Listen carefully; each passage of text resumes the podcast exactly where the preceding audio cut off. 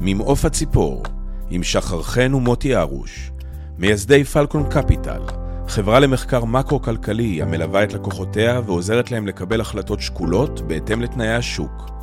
פלקון מתמחים בייעוץ משכנתאות, ייעוץ פיננסי לעסקים קטנים ובינוניים, מלמדים ברמה האקדמית השקעות ערך בשוק ההון, ומשמשים שותף כללי בקרן פלקון קפיטל. בפודקאסט שחר ומוטי ינהלו שיחת סלון על נושאים מקרו-כלכליים והשפעתם עלינו בחיי היומיום בשפה פשוטה ונגישה לכל אוזן. מוכנים? קדימה מתחילים. היי שחר, מה נשמע? אהלן מוטי, מה קורה? בוקר טוב. בוקר אור, איך עבר השבוע? היה שבוע מעניין, גדוש במקרו. אז uh, הנה אנחנו בפרק השמיני שלנו, משבוע לשבוע זה רץ, זה כבר יהיה עוד מעט... אותו עשרה פרקים.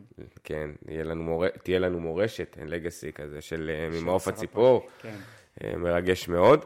Uh, לפני שנתחיל, אה, אני נותן כבר בהתחלה disclaimer קצר, שבמידה ונדבר על אה, ניירות ערך כאלה ואחרים, אנחנו מעכשיו אומרים שזה אין פה שום דבר שמהווה המלצת השקעה. או שידול לפעולה כזאת ואחרת, ויכול להיות שניגע במניות שהן או ניירות ערך, או סחורות, או דברים כאלה שאנחנו מחזיקים, או בתיקים הפרטיים שלנו, או בקרן. זה בנוגע לכל ה disclaimer. ואני אבקש מכל המאזינים שלנו, אם אתם עדיין לא עוקבים אחרינו, אז זה הזמן, בכל, ה, בכל הרשתות, במיוחד כאן, לדרג אותנו, לדרג את ה... כן, חשוב מאוד שתדרגו אותנו. אני מקבל הרבה הודעות, וגם אתה, שממש נהנים לשמוע את הפודקאסט, אז מאוד מאוד מאוד חשוב שתדרגו אותנו, שנעלה ככה במעלה הדירוג, ושזה... ככה זה בעצם יגיע לעוד לאנשים אנשים שמתעניינים כן, בתוכן כן, הזה. כי בספוטיפיי או ב- בכל פלטפורמות הפודקאסט, זה לא- להבדיל מהרשתות החברתיות שזה מזהה מה שאתה אוהב, זה לא בהכרח מקפיץ לך, אלא על ידי דירוג. אה, יאללה, נתחיל. כן, בואו בוא ניגש ל- לעניינים, יש לנו הרבה הדבר- מקרו שהיה... היה הרבה מקרו השבוע, אז אבל נתחיל בדבר הראשון אה, מעקום התשואות. כן, אה, אז עקום התשואות, אה, עקום תשואות האג"ח, אנחנו רואים השבוע שאין כל כך הרבה שינוי. אה, השינוי אפשר להגיד שינוי שהוא די, אה, די מזערי, אה, קצת ירידה בתשואות לפדיון במכשירי החוב לטווח הקצר עד בינוני בין השלושה חודשים לשנתיים. רואים עלייה מאוד מאוד מתונה בשיא של ה-19 נקודות בסיס באג"חים ל-20 שנה, 21 נקודות בסיס באג"חים ל-30 שנה. אפשר להגיד תנועה שהיא די, אה, אה, די קטנה ולא כל כך, אה, לא כל כך משמעותית ולא כל כך מורגשת. אבל, אני שומע פה אבל. אבל לאור כל מה שקרה Hmm. בירידה בתשואות לפדיון באג"חים הארוכים של השבועות האחרונים, אנחנו בעצם מקבלים פה ביטוי שמגיע מיד לאן? לשוק המשכנתאות. בארצות הברית כמובן. כן, בארצות הברית, שוק המשכנתאות, ואתה רואה שבשבועיים האחרונים חלה בעצם ירידה קלה בריביות, ה- בריביות המשכנתה, אנחנו בטריטוריה שהיא מתחת לשישה אחוזים וחצי. אמ, שזה עדיין גבוה יחסית למה שהתרגלנו. כן. זה נורמלי לזמנים אחרים בחיים, כן. והיום זה נחשב גבוה. זה נחשב גבוה, זה מביא בשבועיים האחרונים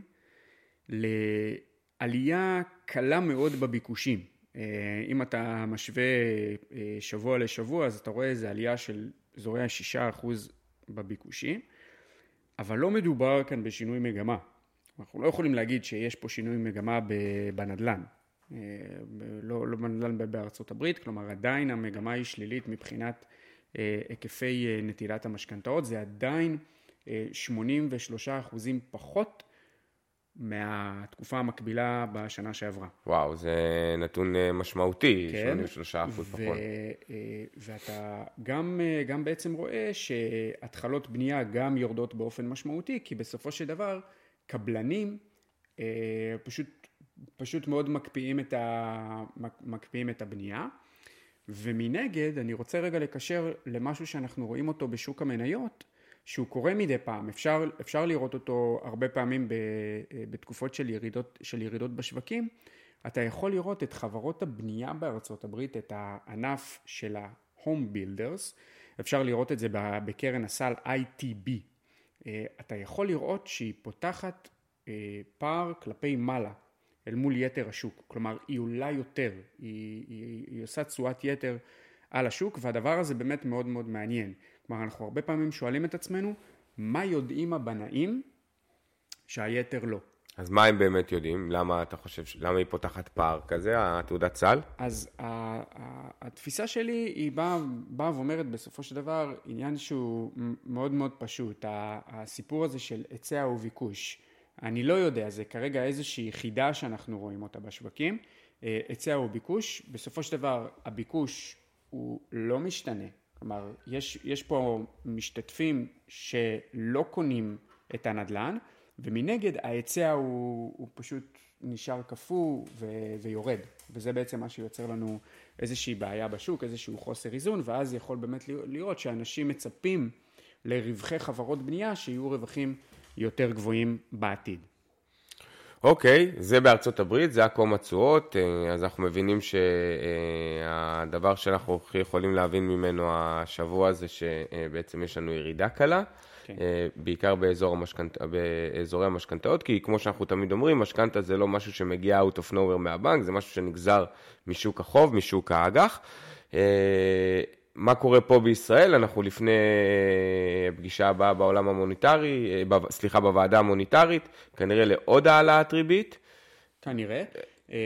אם אתה, אם אתה שואל אותי בנוגע להעלאות הריבית, אז בהחלט אנחנו ראינו שב... אה, אה, קודם כל בארצות הברית האטו את קצב ההעלאות לחצי אחוז, דיברנו על זה אה, בשבוע שעבר, ויש כלכלנים שטוענים ש, ש, ש, שזה בין העלאות הריבית האחרונות בסייקל. אני לא יודע, אני לא יכול לקבוע את זה, אי אפשר לדבר על זה, בטח לא בצורה שהיא, שהיא חד משמעית, אבל כן רואים באמת האטה בקצב ההעלאות, וטבעי שנראה גם איזושהי האטה מסוימת בישראל. ובהקשר הזה, אתה יודע, תמיד כשאתה עומד לפני איזשהו, אה, איזשהו מיתון, שהוא מיתון שכרגע סינתטי, הרי יצרו אותו כתוצאה מהעלאת הריבית, אתה שואל בעצם איך להשקיע. כן, הרבה אנשים שואלים איך להשקיע, מה עושים, כי הכל יורד, דיברנו על זה בפרק כן. הקודם, הכל ירד למעט דולר ונפט, אז איך בעצם כן מייצרים תשואה במצבים כאלה, או שאומרים מראש, זו תקופה שאני לא מייצר. אז למרות שיש המון מכשירים בשוק החוב היום שדווקא כן. נראים מאוד מעניינים. אז, אז בהחלט דיברנו בפרקים הקודמים על הסיפור הזה של, אה, של סיכון סיסטמטי, שאתה לא תמיד יכול להימלט ממנו. אבל יש הרבה, הרבה משקיעים שאופק ההשקעה שלהם הוא אופק השקעה קצר טווח. כלומר, כל מיני חוסכים שבאים ואומרים, אני צריך את הכסף לעוד כמה חודשים, אני רוצה לעשות איתו משהו. להבדיל מכל מה שהיה בעשור הקודם, אנחנו רואים היום שפתאום כן אפשר לעשות איתו משהו. ואתה רואה שבהרבה קבוצות אה, מפמפמים, כמו שפמפמו במשך אה, אה, שנה, שנתיים אחורה את הנושא של קופת גמל להשקעה, עכשיו מפמפמים משהו חדש מוטי. מה? מכ"מים? לא, לא, כמעט. מפמפמים כספית. קרנות כספיות. כן, כן, אני רואה. יצא לי לראות גם, אני חייב להגיד לך משהו, באיזושהי קבוצה השבוע גם, שמישהו העלה אה, הלוואה. אני רוצה לקחת הלוואה ומציעים לי הלוואה בפריים פלוס 4. אז uh, מישהו ישר רשם לו, אה, זה ריביות של שוק אפור, אני יודע להביא... חבר'ה, בואו רגע נשים את הדברים כמו שהם על דיוקם. הכל השתנה. ריבית שהבנק היום נותן בפריים פלוס 4 פלוס 5, זה על הכיפאק. השאלה היא, האם אתם צריכים באמת את ההלוואה הזאת או לא. אם צריך את ההלוואה כדי לטוס איתה לחו"ל, בפריים פלוס 5, אז תשקלו את זה. אבל אם צריך את ההלוואה בשביל השקעה, אז תראו אם ההשקעה יודעת לתת לכם יותר מפריים פלוס 5. כן. ועכשיו אני רואה שוב בכל הקבוצות האלה, נכון, אתה צודק, את כל העניין של תשקיעו בקרנות כספית. קרן כספית, רק מי שלא מכיר, זה קרן שבנויה ממכ"מים, ו... פקדונות, ו... כן, ופקדונות, ובעצם המוסדי הולך עם חבילה גדולה יותר של כסף, ומציע את זה אה, אה, לבנק, וככה הוא מקבל אה, ריבית יותר טובה. כן, עכשיו, נשאלת השאלה אם זה טוב, וזה טוב לכל משקיע. אז נכון שמדובר באיזשהו פתרון השקעה פסיבי, ובמיוחד אם אנחנו נגיד הולכים לדולר, שעכשיו נושא איזושהי ריבית... כבר ריבית כמעט של 7 אחוז כן, שנתית. ר, ריבית כזאת גבוהה זה באמת יכול, יכול להיות משהו רלוונטי, אבל אני חושב שבסופו של דבר אפשר להשיג משהו טוב יותר. מה זה המשהו הטוב יותר הזה בעצם? אתה יכול לעשות פעולה שבסופו של דבר היא די דומה לפעולה שעושה מנהל הקרן הכספית. אה, רק שאתה כ- כמשקיע פרטי זה אולי לוקח לך קצת זמן בחודש, כמה דקות במהלך החודש, אה, אבל אה, אתה בעצם חוסך פה את, את דמי הניהול בסופו של דבר. ואת כל ההוצאות שיש כאשר אתה משקיע בקרן, ויש הוצאות, אני כרגע פחות אדבר עליהן כאן, וזה אה, להכיר את המכשיר שנקרא מק"מ. מכ"ם, מי שלא יודע, זה מלווה קצר מועד. כן. זה עד שנה. זה מקביל למכשירי שוק הכסף שאנחנו מכירים מיתר מדינות העולם, אה, ומדובר פה במכשיר חוב לזמן קצר. ומה הייחודיות שלו? קודם כל, מדובר, זה כמו איגרת חוב. איגרת חוב שבמקום שתנפיק אותה הממשלה, מי שמנפיק אותה זה בעצם בנק ישראל, וזה מכשיר שהוא אה, הוא, הוא עובד במתכונת של זירו קופון. מה זה אומר זירו קופון? אה, הוא, הוא, הוא, הוא לא מחלק קופונים, אלא הוא מונפק במחיר מסוים, הוא מונפק בדרך כלל בניקיון, כלומר מתחת ל-100 אגורות, ופוקע ב-100 אגורות. כלומר, בנק ישראל בסופו של דבר מחזיר למשקיע 100 אגורות.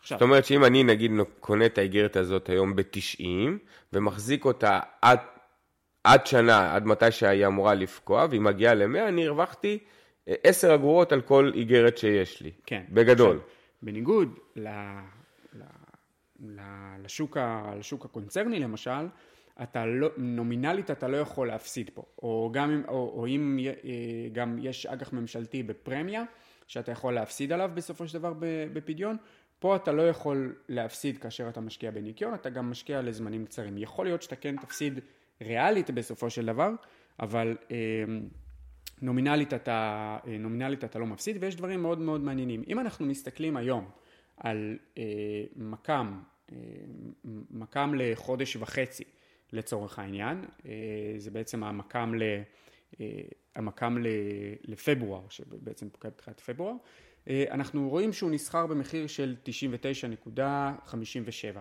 עכשיו, איך אנחנו מחשבים בעצם תשואת מק"מ? אנחנו לוקחים 100 ומפחיתים את מחיר המק"מ, ואז אנחנו מגיעים בעצם לתשואה שלו. ככה זה עובד בהרבה, בהרבה מכשירי חוב. אתה יכול לראות שהתשואה לפדיון עליו היא 0.41 אחוז.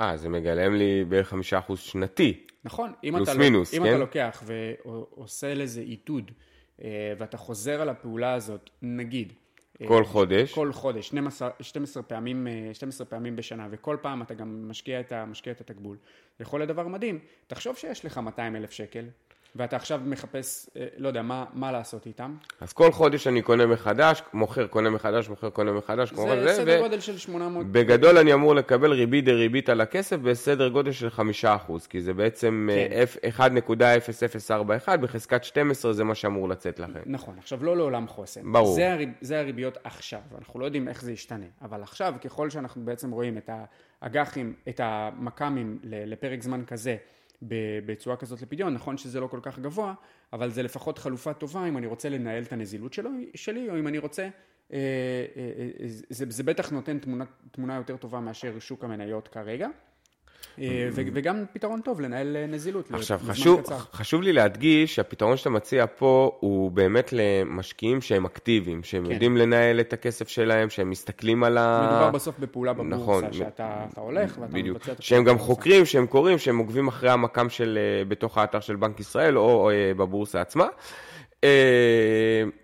כאלה שהם משקיעים יותר פסיביים, אז אה, הקרן הכספית היא פתרון אה, נהדר, אנחנו דיברנו על זה לא מעט פעמים, אנחנו גם, אנחנו עשינו את זה, אני גם באופן אישי עשיתי את זה כן. כבר בתחילת הסייקל, שמתי את זה בקרן כספית כי אה, עניין של אילוצי זמן אה, אה, וכו' אל מול ההשקעה שאנחנו עושים בקרן, אבל אה, היום אנחנו מבינים שיש אלטרנטיבות אה, שהולכות וגדלות, אה, ובעצם זה גם מה שמוציא את כל האוויר מהשווקים, כי האלטרנטיבה כן. של הריבית היא, היא, היא משמעותית, כי אני יכול להפקיד היום את הכסף שלי אה, בצורה נזילה ולראות עליו אה, אה, אה, ריבית אה, גבוהה. אה, ותמיד השאלה היא, כולם שואלים, מתי תרד הריבית? לא למה, מתי תעלה, כי אני בעצם, אני רוצה שהיא תעלה כי אני מקבל אה, אחלה אינקאם על הכסף שלי, אבל אני רואה שהשאלה אה, אה, שחוזרת על עצמה, מתי תרד הריבית? אז יש לנו כמה בעצם אינדיקטורים שיכולים להעיד לנו על העתיד, פחות או יותר, כן. אבל אנחנו לא יודעים מתי תרד הריבית. אנחנו לא יודעים, אנחנו לא יודעים להגיד, להגיד את זה בזמן. אנחנו כן יודעים להגיד, מבחינת נתונים מה, מה צריך לקרות כדי שהריבית תרד. לזמן אף אחד לא יודע לומר, אנחנו צריכים לתת לנתונים הכלכליים להתפתח. עכשיו, מתי ריבית יורדת? ריבית יורדת כאשר אנחנו נמצאים באמת במיתון. מה חשוב להגיד? שלאור הרבה אינדיקטורים כלכליים, או שקלול של מספר אינדיקטורים כלכליים, אנחנו כבר במיתון.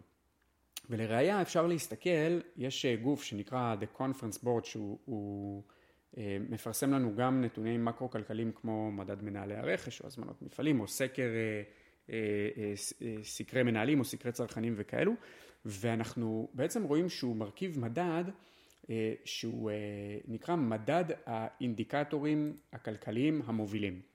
ומה זה מדד האינדיקטורים הכלכליים המובילים? לא, לא מובילים בקטע כזה שאנשים אוהבים להסתכל עליהם וזה משהו שככה נמצא כל הזמן ב... בהתבוננות של אנשים, אלא מובילים מבחינת מקדימים את הכלכלה הריאלית, אוקיי? אוקיי. זה, זה בהיבט של אינדיקטור מוביל. יש אינדיקטור מוביל, אינדיקטור מקביל ואינדיקטור מאחר. לצורך העניין, התוצר, הנתון של תוצר, זה אינדיקטור מאחר. כן, כי נ... הוא בעצם מגיע אחרי שאני מבין מה כל הנתונים, אז רק ככה אני יכול בעצם לסכום ולהבין כמה עליתי בתוצר נכון, או לא. נכון, נתון התעסוקה הוא אינדיקטור מאחר. לעומת זאת, שעות עבודה בשבוע או תביעות ראשוניות לדמי אבטלה זה אה, אינדיקטור מקדים. אה, אז, אז יש שקלול כזה של, אה, של מדד, מדד מאוד נחמד שהוא בעצם משקלל מספר אינדיקטורים פיננסיים כמו שוק המניות, כמו ביקוש לאשראי, הביקוש לאשראי, המרווח שאנחנו מסתכלים עליו הרבה, מרווח עשר שנים לשלושה חודשים. שזה מגיע מעקום התשואות, וגם דיברנו על זה בשני הפרקים הקודמים שלנו. ועוד אינדיקטורים ריאליים, כמו מדד מנהלי הרכש, ציפיות צרכנים, אישורי בנייה, שעות עבודה בשבוע, הזמנות ממפעלים, אה, אה, הזמנות חומרי גלם אה, ותביעות ראשוניות לדמי אבטלה, ובעצם אנחנו רואים שהוא עבר את קו האפס שלו כלפי מטה, הוא כבר יורד סדר גודל של שמונה חודשים ברצף, והוא עבר איזשהו גבול של, נכנס לטריטוריה שלילית בחודש האחרון, וזה בעצם אומר שאנחנו כבר נמצאים במיתון. ואז נשאלת השאלה, אוקיי, אם האינדיקטור הזה בא ואומר שאנחנו כבר נמצאים במיתון, אז מתי תהיה הורדת ריבית? אבל זה אינדיקטור פיננסי, שבדרך כלל הוא, הוא מקדים. הוא פיננסי וריאלי. כן, הוא מקדים את ה... והוא יכול לעזור לך בהשקעות, נכון. והוא יכול לעזור לך בכלל בקבלת החלטות שבהשקעה והחלטות, אה, והחלטות עסקיות. אמ, ו, ו, ו, ואז אתה שואל את עצמך, אוקיי, מתי, מתי בעצם תהיה הורדת ריבית? אז הורדת ריבית היא לא באה במצב שבו הפדרל ריזרב רואה את מדד המחירים לצרכן יורד או נרגע. אם אנחנו באים ומסתכלים על, מד, על המדד האחרון, אז הייתה עלייה של 0.1 אחוז, זה לא מה שמשכנע את הפד. וגם אם תהיה ירידה במדד המחירים לצרכן, כלומר הוא ייכנס לטריטוריה שלילית, זה גם לא מה שיניע את הפד לפעולה. הפד צריך לראות מצב שבו אתה נכנס לדעיכה כלכלית. ואנחנו מדברים על זה לא מעט, ואחד הדברים המרכזיים שאתה רוצה לראות זה למעשה את הוצאות הצרכנים ואת הצריכה הפרטית. מצטמצמות. יורדת, מתרסקת בצורה משמעותית, ואתה רוצה לראות את האבטלה עולה בצורה משמעותית. ומפה אני הולך להמשך, אה, דיברנו על אבטלה, ואנחנו, שזה אחד, ה, אחד הכלים להבין ש, שאנחנו בעצם נמצאים במיתון, ויש אה, כלי שאנחנו מסתכלים עליו לא מעט, וזה תביעות ראשוניות לדמי אבטלה. מה זה הכלי הזה? מה, למה אנחנו מסתכלים עליו? מה... מה, מה זה בעצם התביעות הראשוניות לדמי אבטלה? זה, זה אדם ש... נמצא בסיטואציה תעסוקתית כזאת שהוא לא עובד, אוקיי? יש כמה סוגים של מובטלים, אבל בוא, בוא נגיד, הוא כרגע לא עובד, והוא הולך ללשכת האבטלה וחותם בלשכה. ואז המחשב סופר אותו. עכשיו, מה אתה בעצם אה, רואה? אתה ראית בנתון שהתפרסם בסוף חודש נובמבר, אה, נתון אה, מתואם לעונתיות, 226 אלף. בתחילת חודש דצמבר ראית 231 אלף, כלומר יש פה איזושהי... עלייה קטנה. כן. ובנתון האחרון שהתפרסם ב-10 לדצמבר אתה רואה 211 אלף. שזה בעצם ירידה של, של, של 20 אלף. עכשיו, מה זה בעצם אה, בא ואומר? קודם כל, אתה, מנתונים כאלה, אתה לא יכול לראות השמדת משרות. לא. אתה תראה נתון תעסוקה חיובי. אם אתה תראה את התביעות הראשוניות לדמי אבטלה מדפיסות נתונים למשל של 250 אלף, 260 אלף, 270 אלף, אתה תוכל לראות נתון אבטלה שהוא, נתון תעסוקה שהוא אפסי. אם כבר אנחנו נלך לאזור של ה-300 אלף, יכול מאוד להיות אז שאנחנו ניכנס לטריטוריה שלילית בנתון התעסוקה, ביום שישי הראשון של כל חודש. זה משהו שנגיד נרצה לראות באזורי ינואר-פברואר. אם אנחנו לא נראה את זה שם, קשה לי מאוד להאמין שאנחנו נראה הורדות ריבית. אנחנו חייבים לראות באמת נתונים כלכליים שעובדים בכיוון. אנחנו אבל כרגע, כן, אני מבין, אבל כנראה שאנחנו לא נראה גם הורדות ריבית בקרוב, בואו גם אה, נגיד למאזינים בארצות שלנו. בארצות הברית, כן, כאילו בארצות, בארצות הברית. יכול להיות שב-ECB, בבנק האירופאי, אנחנו כן... רגע, תכף ניגע באירופה. תכף אתה, אתה מרים לי, תכף ניגע באירופה, בבעיות שיש לאירופה, אבל אם אני מדבר רגע על ארצות הברית, ישראל, בסוף גם אמרנו, כל אזור, הוא, הוא, הוא, הוא, המשבר הוא גלובלי, אבל כל אזור מתנהג... מקבל אותו בדיוק, בזמן ב... שונה ובעצימות שונה. ב, ב, והוא מתנהג אחרת, אז אנחנו גם די מושפעים מארצות הברית, אז אה, אה, זה תמונת הראי שלנו. אז כרגע אנחנו אה, מאמינים שהריבית תמשיך לעלות, אולי הקצב ירד, שזה כבר סימן אחד חיובי וטוב, אבל... אה, אה, הריבית תמשיך לעלות, וגם אה, אני חושב ששבוע שעבר פרסמת בדף שלנו בפייסבוק של הקהילה, מה חושבים חברי הבורד שבעצם של, של הבנק המרכזי בארצות הברית, של הפדרל רזרב, ויש שם כל אחד מה הוא חושב. ו- אתה, ו... אתה רואה שם פיזור מאוד גדול נכון, בנוגע לדעות. שזה מעיד על אי ודאות מוחלטת. אי ודאות, והפיזור הזה, לא רק הפיזור, של איפה הריבית תהיה, גם פיזור של איפה האינפלציה תהיה, וזה פתח מאוד מאוד מאוד גדול לטעות במדיניות. אז גם הפדרל רזרב הולך פה על ביצים. והוא כבר עשה פוליסי מיסטייק ודיבר עליה לא, לא מעט כן, פעמים. כן, כן. אבל אה, שחר, ברשותך, אם דיברת על אירופה, שזה אזור אחר, אה, בואו רגע נדבר על מה שקורה שם. אירופה ממשיכה להעמיק את המשבר שלה. אה, בריטניה בעיקר ממשיכה, אנחנו רואים שמחירי הפחם אה, מזנקים, אה, הם הגבילו את הגז הטבעי באירופה, אני חושב ל-180 יורו. מה המשמעויות של הדבר הזה? כי כן. זה, אני רואה שאירופה הולכת אחורה במקום קדימה. אז קודם כל, אנחנו נדבר על מחיר הפחם. שכרגע נסחר באזורי ה-380 דולר, 380 דולר לטון. אני חושב שזו ההזדמנות גם לפרגן לאסף נתן, נכון. מנהל אה, קרן הגידור של עדן אלפא, שזיהה בזמן... זיהה בזמן את הפחם. את הפחם, ו- ו- וגם אמר עליו, לא אמר, מעט פעמים. כתב, ואני חושב שהוא נכנס ל-white heaven, אני, אני לא זוכר איזו חברה זאת הייתה, אבל לדעתי איזו חברה, חברה אוסטרלית, אני לא, לא, לא זוכר. והסתכלתי על זה כל הזמן מהצד, ואמרתי שאתה יודע, אני חייב גם לתפוס את הרעיון הזה, ו... לקח פה מקרו והשתמש בו עד הסוף, ועשה את זה... עסקת מקרו פר אקסלנס. עשה את זה בצורה יפה. ובאמת אה, יישר כוח.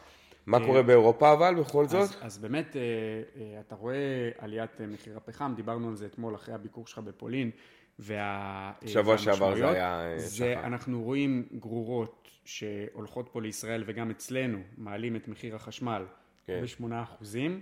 לאור עליית מחיר הפחם, אבל צריך לזכור שרוב תחנות הכוח בישראל הן גז לא פחמיות. אנחנו ישבנו פעם עם מישהו, שאני לא אגיד את שמו, שאנחנו משקיעים אה, בחברה שלו, והוא אמר לנו, תראו איזה יופי, מעלים את המחיר, אבל לנו לא עלה שום דבר, אז אנחנו כן, נהנים. לא, לא, לא, ההוצאות לא, לא עלו, כי התחנות, התחנת כוח שלו מונעת בגז. אני חושב ששרת האנרגיה, אני לא יודע כבר אם התחלפה הממשלה או לא, אבל קארין אלהרר, אני לא יודע אם הבטיחו שהפחם ירד, שעד 2050 נהיה מדינה נקייה.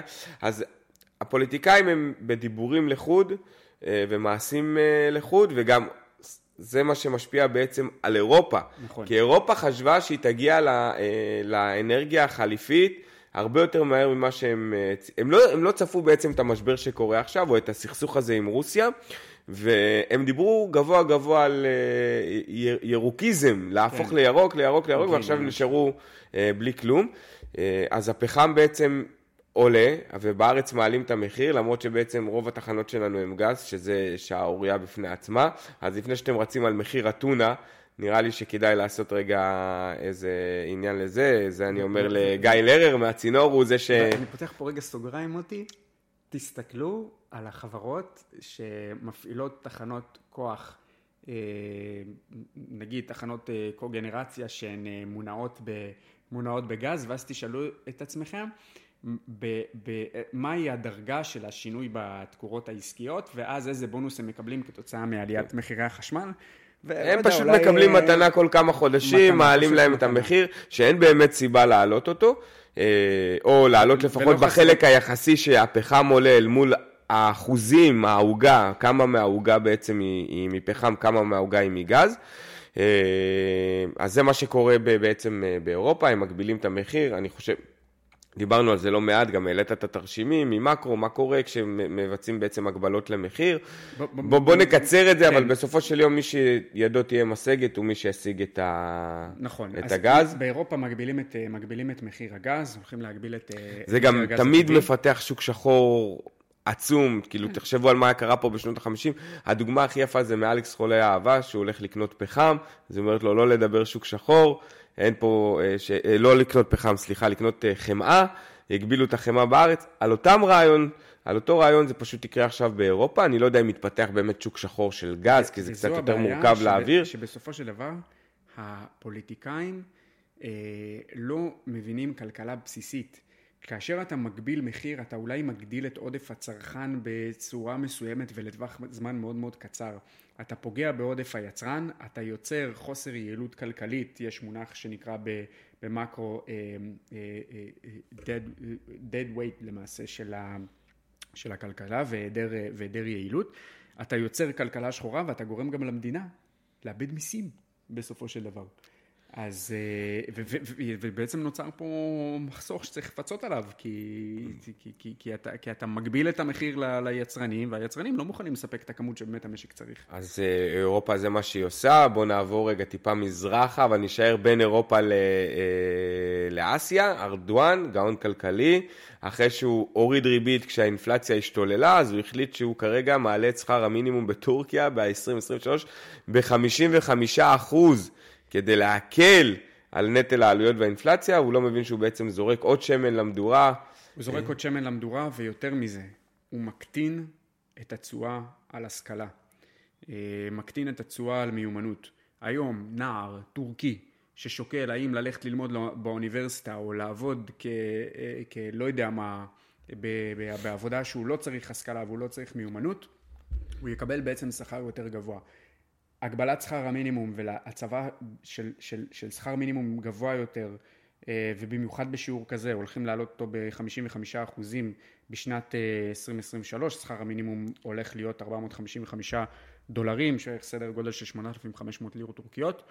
אמ, אה, זה, זה הולך לפגוע באופן משמעותי בכלכלה ובמקום לעשות צעדים כלכליים שיפתחו את הכלכלה וסחר חופשי וייצוא ובאמת להכניס השכלה למדינה ובמקום כל המצב שם עכשיו עושים שם מצב שהוא, שהוא פשוט לירות עוד לכלכלה ברגל, סבבה, טווח כן. קצר, זה, זה ישפר. ארדואן אבל אנחנו צריכים לזכור שחר שהוא לוקח את טורקיה כבר הרבה, זמן, הרבה מאוד זמן לאבדון, והיה ניסיון הפיכה ב-2016 שכשל.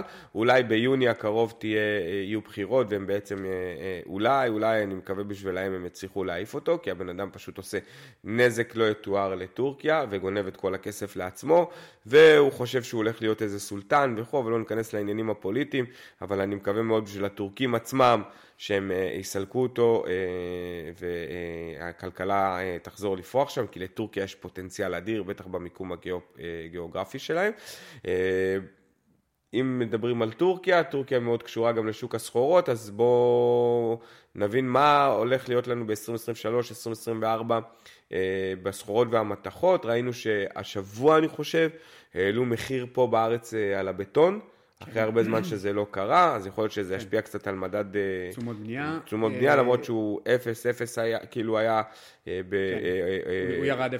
כן, הוא היה ספטמבר 0, אוקטובר 0, נובמבר מינוס 0.2, אז סך הכל הוא רגוע, יציב.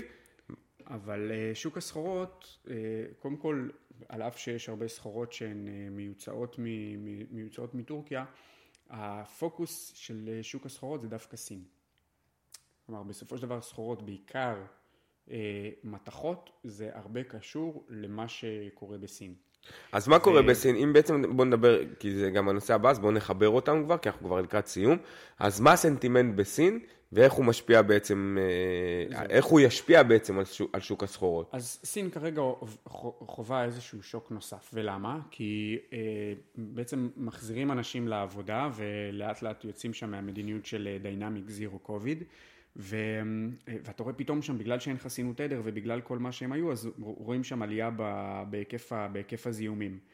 מאמין שיהיו שם עוד כמה חודשים אה, די מאתגרים, אבל למעשה היום מדברים על זה שסין, אחרי תקופה מאוד ארוכה של הקפאה אה, של, אה, של השקעות בתחום הבנייה והתשתיות, הולכת לאט לאט לחדש את, ה, את ההשקעה, ואז זה למעשה משהו שיגביר באופן משמעותי מאוד את הביקוש לסחורות.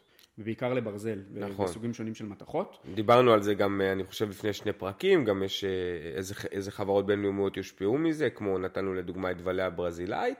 אה, כן, ו, ו, ובגלל שהסחורות היום, שוב, למעט הנפט, נמצאות במצב שנקרא under investment, הרבה מאוד גופי השקעות... תסביר בבקשה למאזינים מה זה under investment. זנוחות, זנוחות, כן. פשוט לא, לא, לא, לא השקו בהם, אה, מזומנים אה, בהיקף ניכר בשנים האחרונות.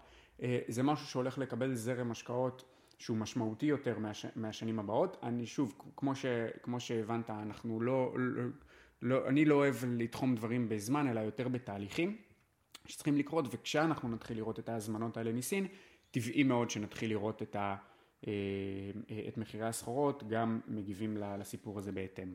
אז הנושא האחרון שלנו, שאיתו נסיים, ואנחנו נחזור עוד הפעם לאירופה. אה, אתמול אה, סליפי ג'ו היה אצל אה, זלינסקי באוקראינה. זלנסקי, סליחה, לוושינגטון. כן, כי... וביידן בעצם הבטיח לו שהוא ימשיך לתמוך צבאית באוקראינה. נכון, וזו אמירה מאוד מאוד מאוד חשובה. שביידן אומר לזלנסקי שארצות הברית תמשיך לתמוך באוקראינה צבאית, יש פה משמעויות אדירות, בעיקר לתעשיות ביטחוניות. היום רוב הפוקוס של העולם מבחינת תעשייה ביטחונית זה למלחמה באירופה, אה, זה בעצם השוק שמקבל את מירב תשומת הלב מן הסתם היום, ומרוץ החימוש העולמי הוא כמובן, אה, הוא כמובן מוטה, מוטה לשם. וגם דיברנו לא מעט פעמים שראינו שהמדינות הגדילו בעקבות המלחמה שהתחילה בינואר אה, או פברואר, לא זוכר כבר, עם בין הרוסים לאוקראינים, אנחנו רואים את המערב מגדיל את תקציב הביטחון שלו. נכון. נתנו גם כמה דוגמאות לחברות שייהנו מזה, אנחנו רואים שחלק מהדברים באמת מתחילים לקרום עור וגידים בעצם. וככל הנראה המגמה הזאת הולכת להימשך. אה, הולכת להימשך ויש פה משמעויות לחברות ביטחוניות, לא מעט גם, בסוף גם, גם יש לא מעט חברות ישראליות שאתה יודע, השוק יעד המרכזי שלהם זה פשוט ארה"ב. אה, שהם ימשיכו בעצם לפרוח בזכות... אה, כן, אז, אז, אז אתה יודע, יתחילו אותו לשחרר שוב את התקציבים וכולי, וטבעי מאוד שאנחנו נמשיך לראות ביקושים משמעותיים למוצרים ושירותים מה, מהתחום הביטחוני. גם אל תוך 23-24. זהו, שחר, הפרק השני, השמיני, סליחה, הגיע לסיומו, אז אני רק מזכיר למאזינים שלנו שתעקבו אחרינו ותדרגו אותנו, זה חשוב מאוד שתדרגו אותנו, אה, ותצטרפו לקהילה שלנו אה, ממעוף הציפור, שחר מעלה שם המון תוכן אה, רלוונטי ומהותי.